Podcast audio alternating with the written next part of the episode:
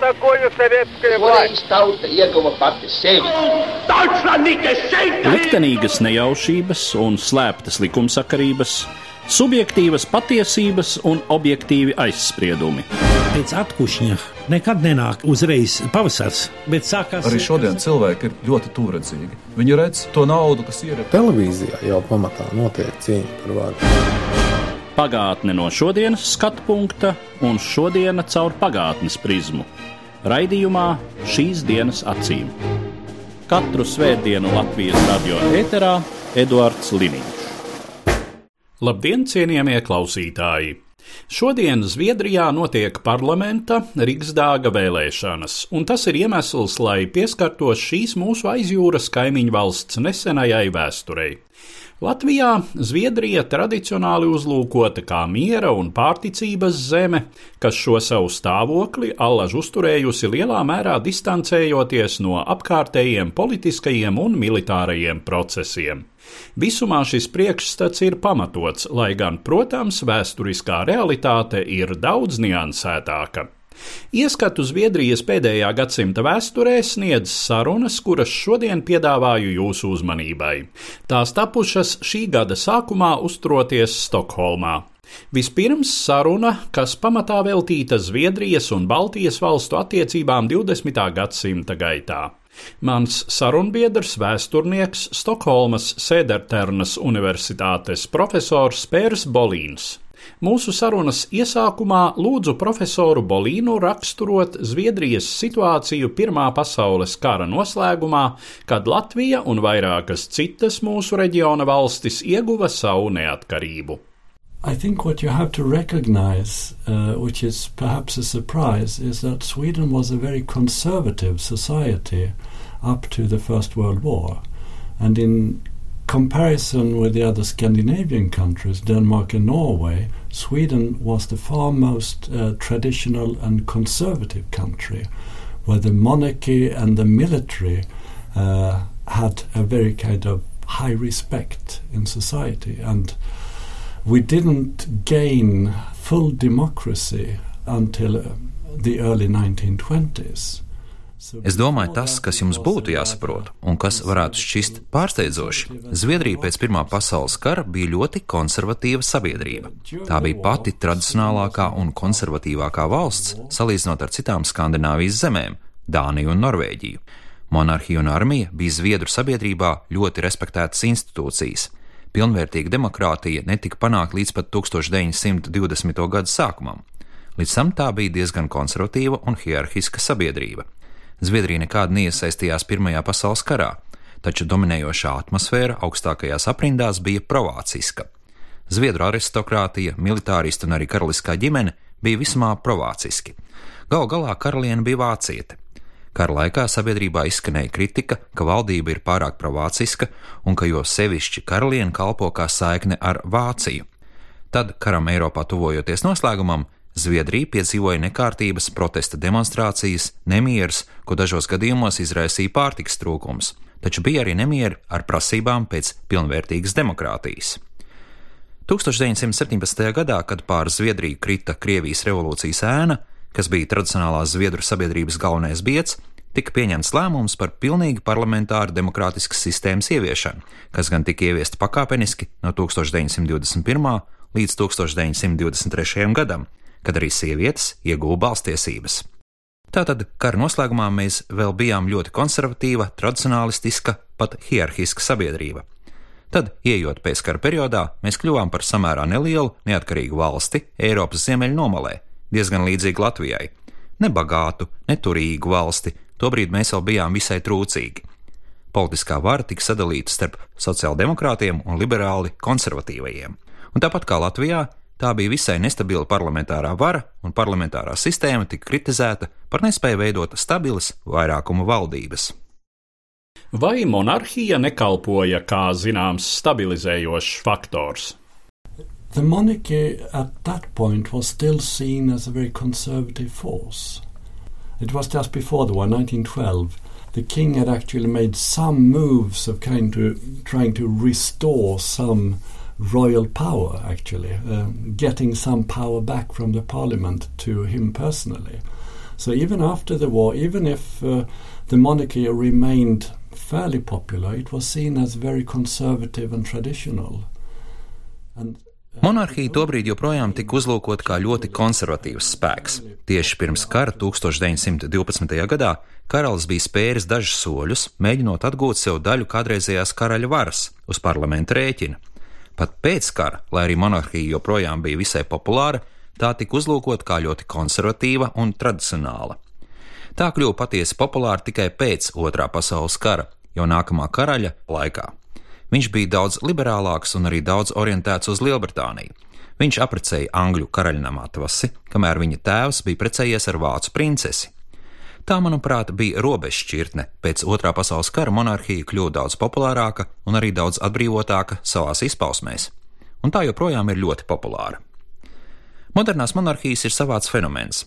Tām joprojām ir mantots status, taču šodien karaļnām atvests preces ar parastu ģimeņu pārstāvjiem, monarhija vairs nestāv pāri pārējai sabiedrībai. Šodien monarha status tā ir viņu profesija. Pagājušajos laikos viņiem bija jāprec augstākās aristokrātijas vai ārzemju karaļu pārstāvi. Es domāju, lūzums notika pagājušā gadsimta 70. gados, kad pašreizējais karalis apprecēja vienkāršu vācieti.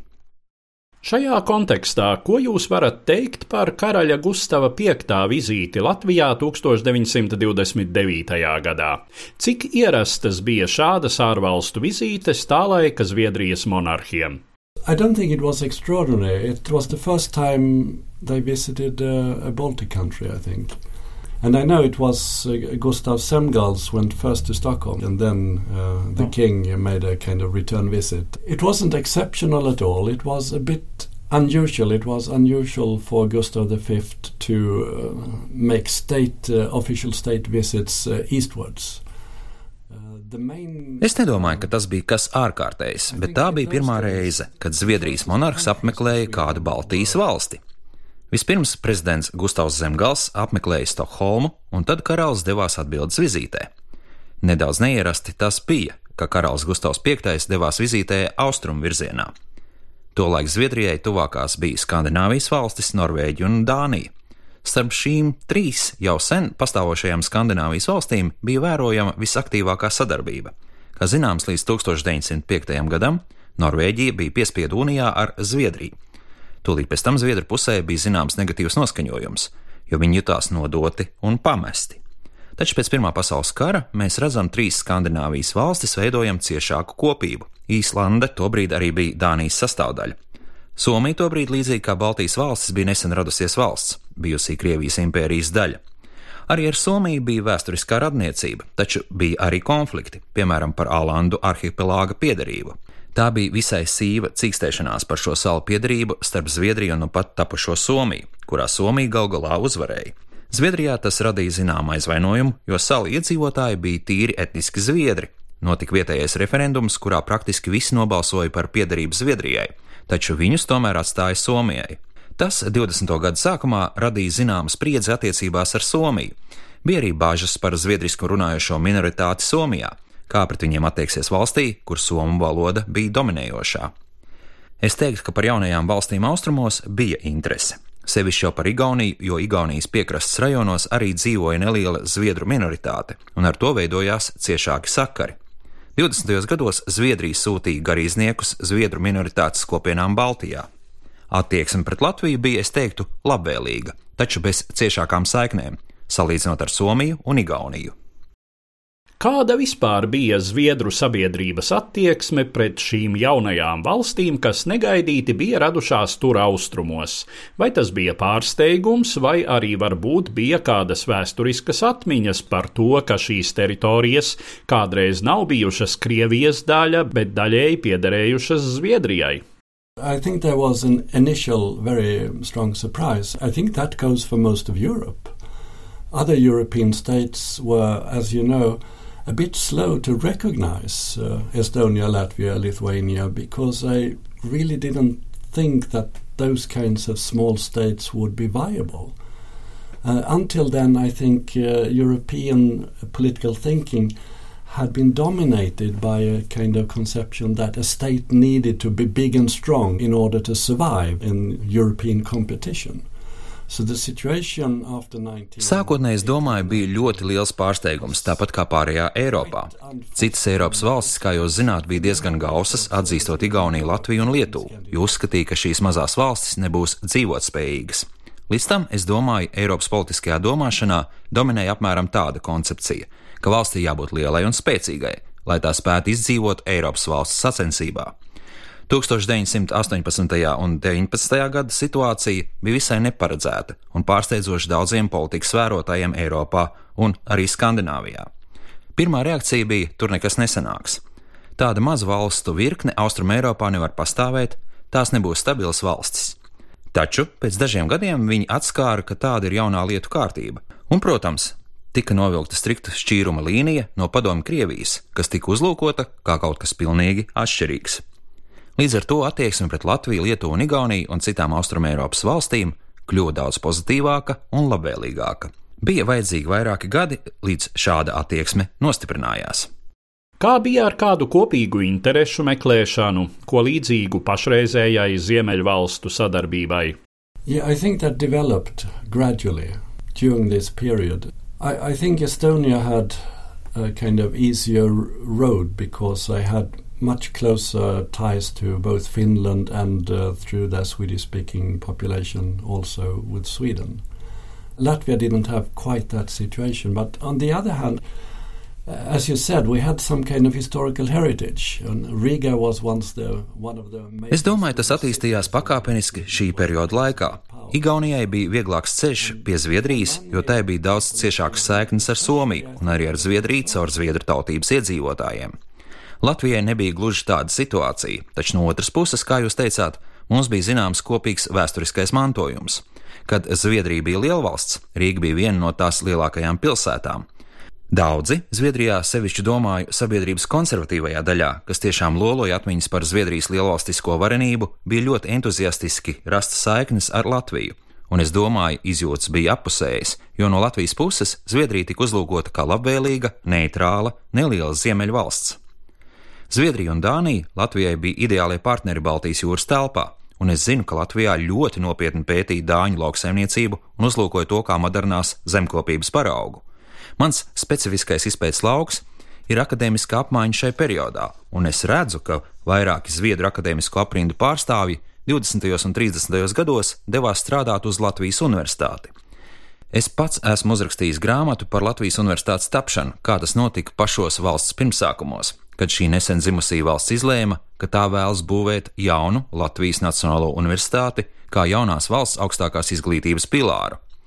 Pastāvēja zināms vienots augstskolu modelis, kas domājams sakņojās Vācu universitāšu modelī, bet kļuva dominējošs lielākajā daļā Eiropas, sevišķi tās austrumdaļā un Skandināvijā. Bija ļoti dabiski, ka latviešu akadēmiskie mācību spēki pieņēma tieši šo modeli, kad varēja sākt veidot savas valsts universitāti. Tas bija ļoti vētrains laiks, kad bruka Krievijas impērija, veidojās padomju valsts. Es īpaši esmu pētījis to, kā jaunā Latvijas universitāte sapulcināja cilvēkus, kā tā meklēja profesorus un lektorus. Viņi visā brukošajā Krievijas impērijā meklēja latviešus, vai ir zināms, kāds latviešu akadēmiskais spēks attiecīgā jomā. Pa visu Krieviju tika izsūtīts telegrammas latviešu mācību spēkiem: Lūdzu, dodieties atpakaļ uz dzimteni un palīdziet radīt mūsu universitāti. Tas ir patiešām aizgrābjošs stāsts. Vienu viņi atrada pat Vladivostokā, sinologu un folkloristu Pēteru Šmitu. Viņš man šķiet patiešām fascinējoša personība. Un tad, protams, viņiem bija jāiesaista daži ārzemnieki, jo dažās jomās viņiem vienkārši nebija savējo. Un Vācijas vāciešus viņi negribēja. Tas bija ļoti politiski sensitīvs jautājums. Tad nu viņi meklēja kandidātus Zviedrijā, Somijā, Austrijā un Šveicē. Tie derēja, bet ne valsts vācieši, jo Vācija bija sens ienaidnieks. Jā, Latvija meklēja ļaudis no mazām draudzīgām valstīm, tā skaitā no Zviedrijas. Visprominentākais no Zviedriem bija medicīnas profesors Gostons Bekmans, kurš pavadīja Rīgā laiku no 1920. līdz 1925. gadam. Viņam bija nozīmīga loma veidojot ārstu akadēmisko izglītību Latvijā. Kā Zviedrija uztvēra Baltijas likteni Otrā pasaules kara laikā un tos baltiešus, kuri kara beigās diezgan lielā skaitā bēga uz Zviedriju? It's a very tragic story, of course, with uh, so many people fleeing Latvia towards the end of the war, ending up in many in Germany and some in Scandinavia. Uh, I think Sweden received mainly Estonians, Swedish speakers, and uh, people living in the coastal areas who could flee in boats. But many, many Latvians. as Tas, protams, ir ļoti traģisks stāsts, kad karam tuvojoties beigām, tik daudz bēga no Latvijas, pamatā nonākot Vācijā, un dažos gadījumos arī Skandināvijā.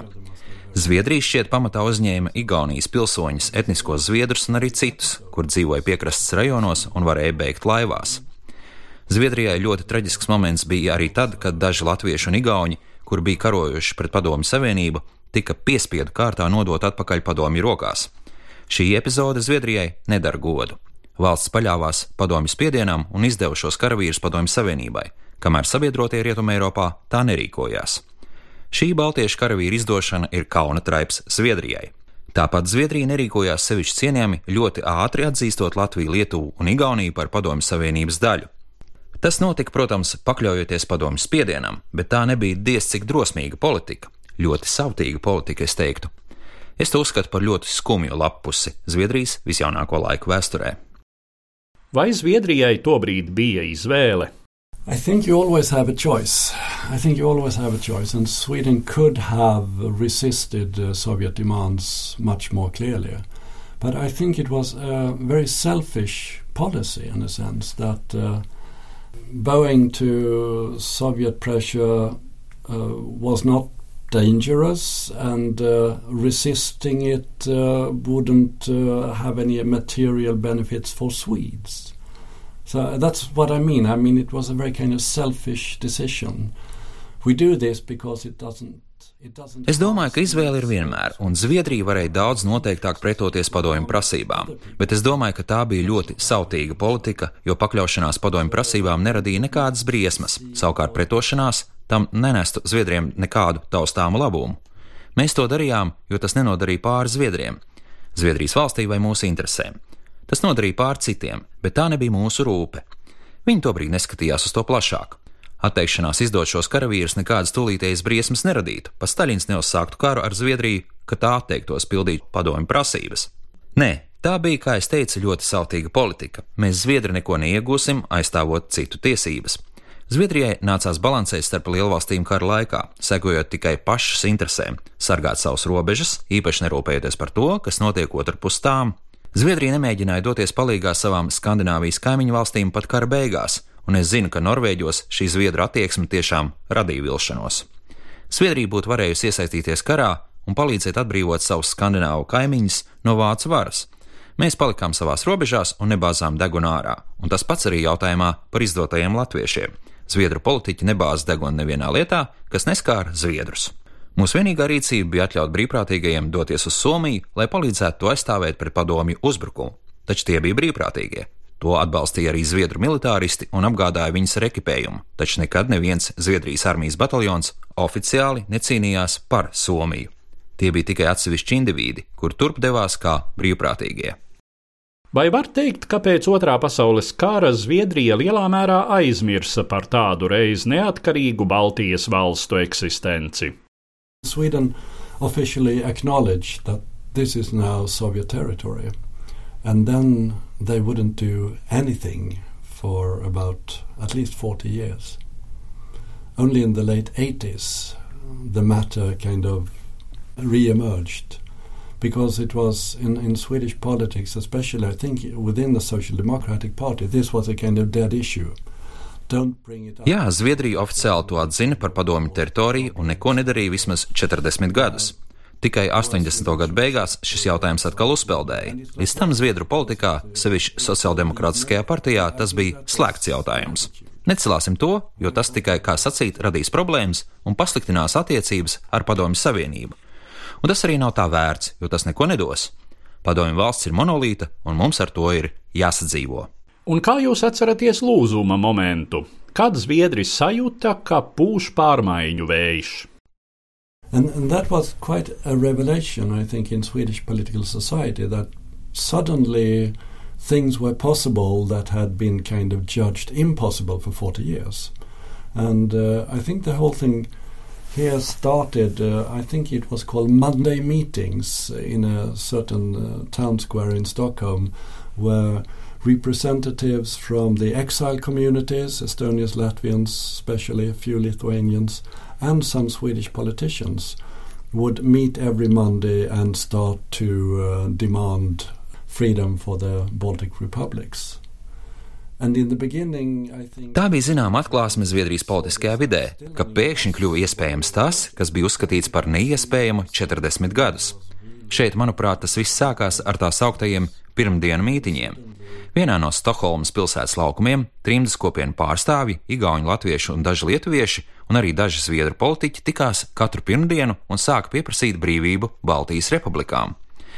Iesākumā es domāju, daudz joprojām to uzlūkoja kā neīstenojamu projektu, bet tad kļuva redzams, ka Padomju Savienība tiešām ir uz sabrukuma sliekšņa. Tiklīdz vairums Zviedru un Zviedrijas politiķi redzēja, ka tas tiešām ir iespējams, notika milzīgas pārmaiņas sabiedriskajā domā, un tūdaļ veidojās neviltots atbalsts šim procesam. Tas notika ļoti strauji. Daudziem Padomju Savienības sabrukums bija pilnīgs pārsteigums, tā tuvošanos neparedzēja. Es domāju, daudziem no mums, kas bijām dzīvojuši 60. un 70. gados, Padomju Savienība šķita kaut kas nesatricināms. Tā taču ir superlielvalsts, tā ir kodolieroči, kas gan ar to varētu notikt. Tas bija tā laika pasaules redzējums. Pasaule ir sadalīta starp superlielu valstīm, un mēs tur neko nevaram darīt. Tātad daudziem tas bija pilnīgs pārsteigums un milzīga atklāsme, ka pēkšņi tas viss sabruka. Tad strauji radās milzīgs atbalsts Baltijas valstīm, kas izpaudās sevišķi to dramatisko notikumu laikā, kas Rīgā un Viļņā notika 1990. un 91. gadā. Tajā bija, es teiktu, arī sirdsapziņas pārmetuma elements, jo vairums zviedru saprata, ka mēs šos cilvēkus bijām uz ļoti ilgu laiku pametuši viņu liktenim, un nu ir laiks atlīdzināt parādu. There was an element, I think, of bad conscience as well, because most Swedes knew that we, we have kind of abandoned these people for a very long time, and it's time to make amends. Šī bija saruna ar zviedru vēsturnieku Stokholmas Sederternas Universitātes profesoru Pēru Bolīnu. Un nu piedāvāju jūsu uzmanībai sarunu ar Zviedrijas aizsardzības pētījumu institūta, aizsardzības analīzes nodaļas direktora vietnieku izpētes jautājumos, doktoru Robertu Dalšēju. Mūsu saruna pamatā bija veltīta Zviedrijas militāri strateģiskajai situācijai pēc Otrā pasaules kara un līdz mūsdienām. Ievadā lūdzu doktoru Dalše raksturot viņa pārstāvēto organizāciju Zviedrijas aizsardzības pētījumu institūtu. The FOI, the Swedish Defense Research Agency, is a government agency subordinated to the Ministry of Defense but not part of the armed forces. And we do uh, mostly technical research for paying clients, paying clients being mainly in the Swedish defense sector. But there's a FOI aizsardzības pētījuma institūts ir Zviedrijas valdības aģentūra. Tā ir koordinēta ar aizsardzības ministriju, taču neietilpst bruņoto spēku sastāvā. Lielākoties mēs nodarbojamies ar tehnisku izpēti klientiem, kuri par to maksā un kuri lielākoties darbojas Zviedrijas aizsardzības sistēmā. Mazākā daļa no mums, kādi simts cilvēki, nodarbojas ar militāru politiskiem jautājumiem un operāciju analīzi.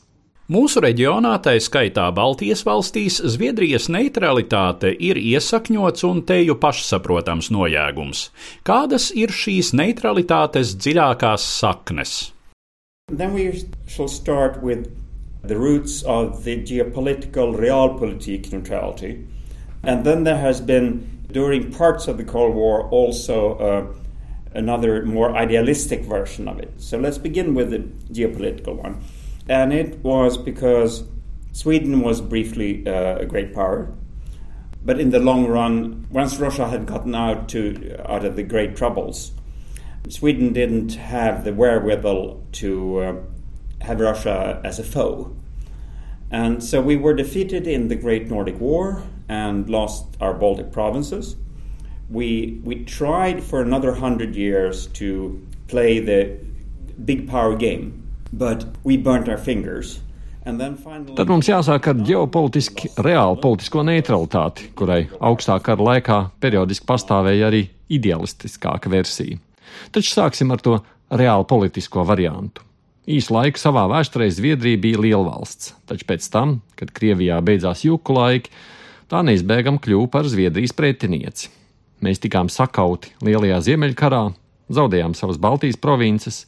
Vēl simts gadus mēs centāmies spēlēt šo lielvalstu spēli, taču apsvilnājāmies. Tad 1809. gadā mēs zaudējām Somiju, kas tobrīd bija Zviedrijas pamatteritorijas daļa, nevis province kā Igaunija vai Vidzeme. Tā, protams, bija liela trauma. Valstī notika apvērsums, karalis tika nogalināts, un jaunā politiskā vadība izsprieda, ka cīnīties pret Krieviju ir neliederīgi. Labāk atteikties no lielvalstiskas politikas, turēties no tās nomaļas, tā vietā attīstot savu valsti tās jaunajās, daudz šaurākajās robežās. Tas bija galvenais pamats šai ģeopolitiskajai reāla politikai, kuru mēdz dēvēt par neutralitāti. Domājams, šo politiku nācās diezgan grūti uzturēt Otrā pasaules kara laikā. Kāda bija Zviedrijas situācija šim karam noslēdzoties un veidojoties jaunam spēku samēram Ziemeļeiropā un Eiropā kopumā? On the occasions when there were wars in this region, like the Crimean War, the First World War, and the Second World War, the policy of trying to stay outside the war was subjected to a lot of pressures, both from the outside but also forces on the inside which wanted to join one side. For example, the king uh, wanted to join Britain and France during the Crimean War to try to get Finland back. Tajos gadījumos, kad mūsu reģionā risinājās kari, kā Krimas karš, Pirmais pasaules karš, Otrais pasaules karš, Zviedrijas neutralitātes politika tika pakļauta spiedienam, gan no ārpuses, gan iekšpolitiski, dažādiem spēkiem mēģinot panākt pievienošanos vienai no karojošajām pusēm. Krimas kara laikā karalis vēlējās pievienoties Lielbritānijai un Francijai karā pret Krieviju, lai atgūtu Somiju, Pirmā pasaules kara laikā bija ļoti spēcīgs spiediens par labu karošanai Vācijas pusē. Zviedrija Pirmā pasaules kara laikā tiecās strikti sekot neutralitātes politikas burtam, un faktiski tas nozīmēja Vācijai labvēlīgu tirzniecības politiku, jo pirmskara periodā no lielvalstīm tieši Vācija bija mūsu nozīmīgākais tirzniecības partneris. Tad mums bija problēmas ar britiem un frančiem, kuri bloķēja mūsu pārtiks piegādes, kas gandrīz noveda pie bada dumpiem un revolūcijas 1917. un 1918. gadā. Tādēļ, sākoties Otrajam pasaules karam, valdība izšķīrās nebūt tik formālistiska un tik stingri nesekot neutralitātes noteikumiem, bet drīzāk ievērot reāli politiskus nosacījumus un censties apmierināt stiprākās puses vēlmes. Pirmajos trīs kara gados, kad Vācijas varenība bija ļoti draudīga, sevišķi pēc tam, kad Vācija bija okupējusi Norvēģiju un iesaistījusi savā koalīcijā Somiju, Zviedrija pārkāpa neutralitātes principus, apmierinot Vācijas prasības. Tad, pēc Staļingradas, mēs sākām pārkāpt neutralitātes principus pretējā virzienā. Padaļai, lai nomierinātu pašu sirdsapziņu, bet padaļai arī, lai apmierinātu antihitleriskās koalīcijas vēlmes. Tas bija morāli apšaubāms politikas kurss, taču varētu sacīt arī gudrs, jo ļāva izvairīties no Zviedrijas ievilkšanas karā. Kad otrais pasaules karš noslēdzās, kāds viedoklis valdīja Zviedrijas sabiedrībā? Vai tās liecās izvēlēties vienu no pusēm tobrīd starp padomju bloku un rietumvalstīm sadalītajā Eiropā, vai uzskatīja, ka valstī jāpaliek pēc iespējas neitrālai? Of course, there was a strong debate on it. There were voices, so to say, that said that we, we are part of the West, uh, it's democracy against communism, our economy is dependent on the West. Uh, let's not pretend otherwise. So let's join what was known as the Atlantic Pact and became NATO.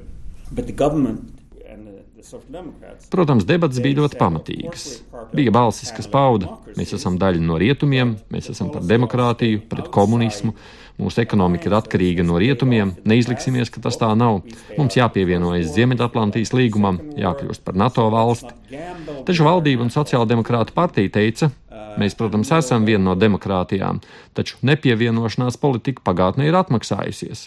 Mums ir izdevies neiesaistīties Pirmajā un Otrajā pasaules karā, tad nu neriskēsim ar mūsu nacionālo drošību. Pie tam arī sabiedrība pamatā uzskatīja, ka neutralitātes politika ir bijusi veiksmīga. Tāpēc valdības viedoklis bija, lai kādi arī nebūtu profesionāļi argumenti par labu dalībai Rietumvalstu aliansē, tauta šādu dalību nepieņems. Tā nu, nodibinoties NATO, Zviedrija palika ārpus tā. Taču, kā es droši zinu, jo esmu to pētījis, valdība kā rezerves variantu uzdeva militāristiem ļoti slepeni sagatavoties kopīgai darbībai ar Norvēģiju, Dāniju, Lielbritāniju un ASV gadījumā, ja Zviedrijai uzbruktu Padomju Savienību.